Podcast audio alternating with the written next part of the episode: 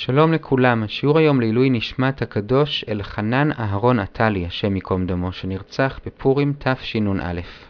כל מי שרוצה גם כן להקדיש שיעור או לתת חסות עסקית מוזמן להיכנס לאתר sinai.org.il ושם ללחוץ על הכפתור תרומות, זה מאוד מאוד עוזר לנו להחזיק את המפעל הזה.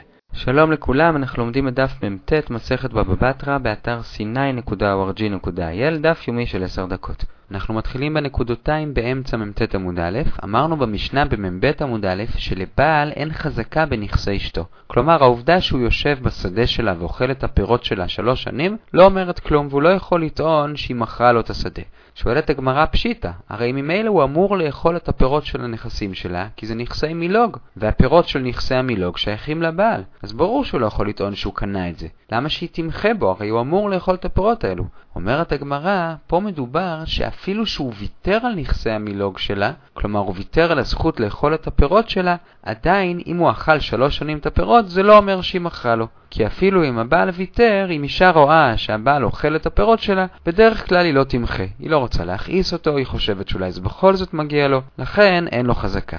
אז מבחינת דיני חזקת ג' שנים, סיימנו את הנושא. עכשיו הגמרא עוברת לדבר על עצם הוויתור הזה על נכסי המילוג. איך הוא ויתר? אז הגמרא אמרה שהוא אמר לה, דין ודברים אין לי בנכסים האלה. אבל הגמרא שואלת, זה לא מספיק. למדנו כבר גם בדף מ"ג שאם אדם רוצה לוותר, הוא צריך למכור את הנכס, לא מספיק שהוא יסתלק. ההסתלקות הזאת לא עוזרת. אז שמה בדף מ"ג, כשדיברנו על שותף אחד שמסתלק מהשותפות, אמרנו שאם עשו גם קניין סודר כשהוא יסתלק, זה מספיק. פה הגמרא נותנת הסבר אחר, היא אומרת שפה הוא הסתלק לפני שזה בכלל הגיע אליו. כלומר, עוד באירוסין הוא אמר, אנחנו הולכים להתחתן, וכשיהיה לנו נישואין אז מגיע לי את הפירות של נכסי המילוג שלך, וכבר מעכשיו אני מסתלק מהם ואני לא רוצה לזכות בהם. ואת זה אפשר לעשות. עכשיו יש פה בעצם שלושה חידושים. קודם כל, שבמצב כזה לשון הסתלקות כן מועילה.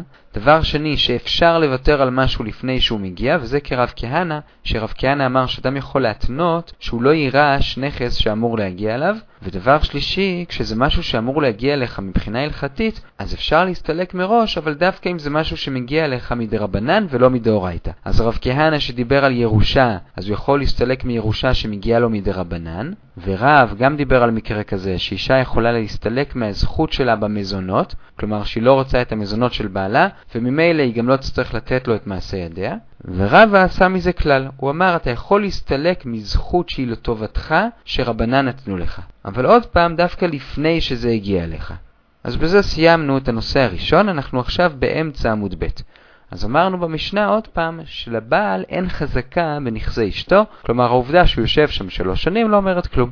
אבל נדייק מכאן שחזקה אין לו, אבל אם הוא יביא שטר או עדים שהאישה מכרה לו את נכסי המילוג, זה כן יועיל, וזה גם קשה. כי לכאורה אישה יכולה לטעון שהיא לא באמת התכוונה למכור לו. פשוט לא היה לה נעים, היא לא רצתה לריב איתו, היא רצתה לעשות לו נחת רוח, אז היא מכרה לו, אבל היא לא באמת התכוונה לזה. מאיפה אנחנו יודעים שיש בכלל טענה כזאת? יש משנה בכתובות שאומרת ככה: הקרקעות של הבעל משועבדות לכתובה של האישה. עכשיו, אם הבעל רצה למכור איזושהי קרקע, והקונה לא רוצה שהקרקע תהיה משועבדת לאישה, כי אז אם המוכר יתגרש או ימות, תבוא האלמנה ותיקח ממנו את הקרקע. אז הוא ניגש לאישה, והוא נתן לה איזשהו סכום, ובתמורה לזה היא ויתרה על השיעבוד שיש לה בקרקע. אומרת המשנה, זה לא עובד. למה? כי יכולה לומר אחר כך שהיא עשתה את זה רק בשביל לעשות נחת רוח לבעלה. שהוא לא יגיד לה למה את לא נותנת לי למכור את הקרקעות שלי, מה את רוצה את הכתובה? את רוצה להתגרש ממני? אבל באמת היא לא התכוונה למכור את זה. אז אולי גם כאן אם היא מכרה את מכסה המילוג לבעל, היא תאמר שהיא לא התכוונה באמת למכור. היא רק רצתה לעשות לו נחת רוח. אז עד כאן השאלה, אנחנו עכשיו שתי שורות לפני סוף עמוד ב', עונה הגמרא שרבא בר אבונה כבר אמר על המשנה הזאת שהיא מדברת על דברים מסוימים, ולא שכל דבר שאישה מכרה או ויתרה עליו, יכולה אחרי זה לטעון שהיא רק רצתה לעשות נחת רוח. על מה המשנה מדברת? אז רבא בר אבונה אומר שמשנה מדברת על שלושה סוגי קרקעות. כמו שאמרנו כבר, כל הקרקעות של הבעל משועבדים לכתובה של האישה, אבל רבא בר אבונה אמר שהמשנה הזאת שאומרת שהאישה אחרי זה יכולה לטעון שהיא לא באמת התכוונה לוותר על השיעבוד בקרקעות, מדברת על קרקעות שעליהן האישה שמחה במיוחד בשביל לגבות את הכתובה שלה.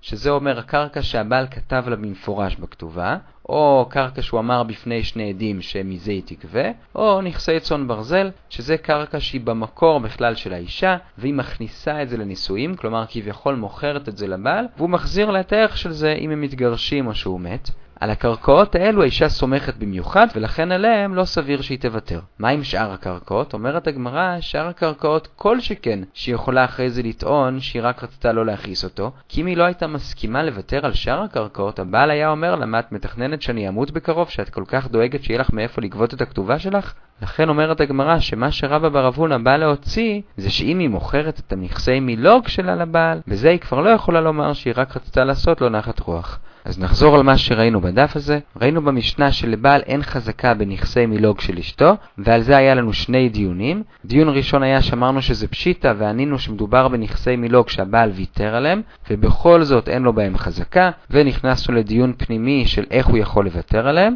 ואמרנו שהוא ויתר עליהם לפני שהם התחתנו. דיון שני היה מה יקרה אם יש לו שטר שהאישה מכרה לו את נכסי המילוג שלה, ודייקנו שזה עובד. ושאלנו למה זה עובד, הרי היא יכולה לומר שהיא רק עשתה את זה בשביל לעשות לו נחת רוח, וענינו שהתירוץ הזה של נחת רוח הוא רק שהיא ויתרה על השיעבוד שיש לה בקרקעות שלו לכתובה, ולא אם היא מוכרת לו את נכסי המילוג. בדף הבא אנחנו נראה עוד שאלה על הדין הזה שאמרנו, שאם הוא מביא שטר שהיא מכרה לו את נכסי המילוג שלה, זה כן עובד. ואנחנו ברבע העליון של נ' עמוד א', כל טוב.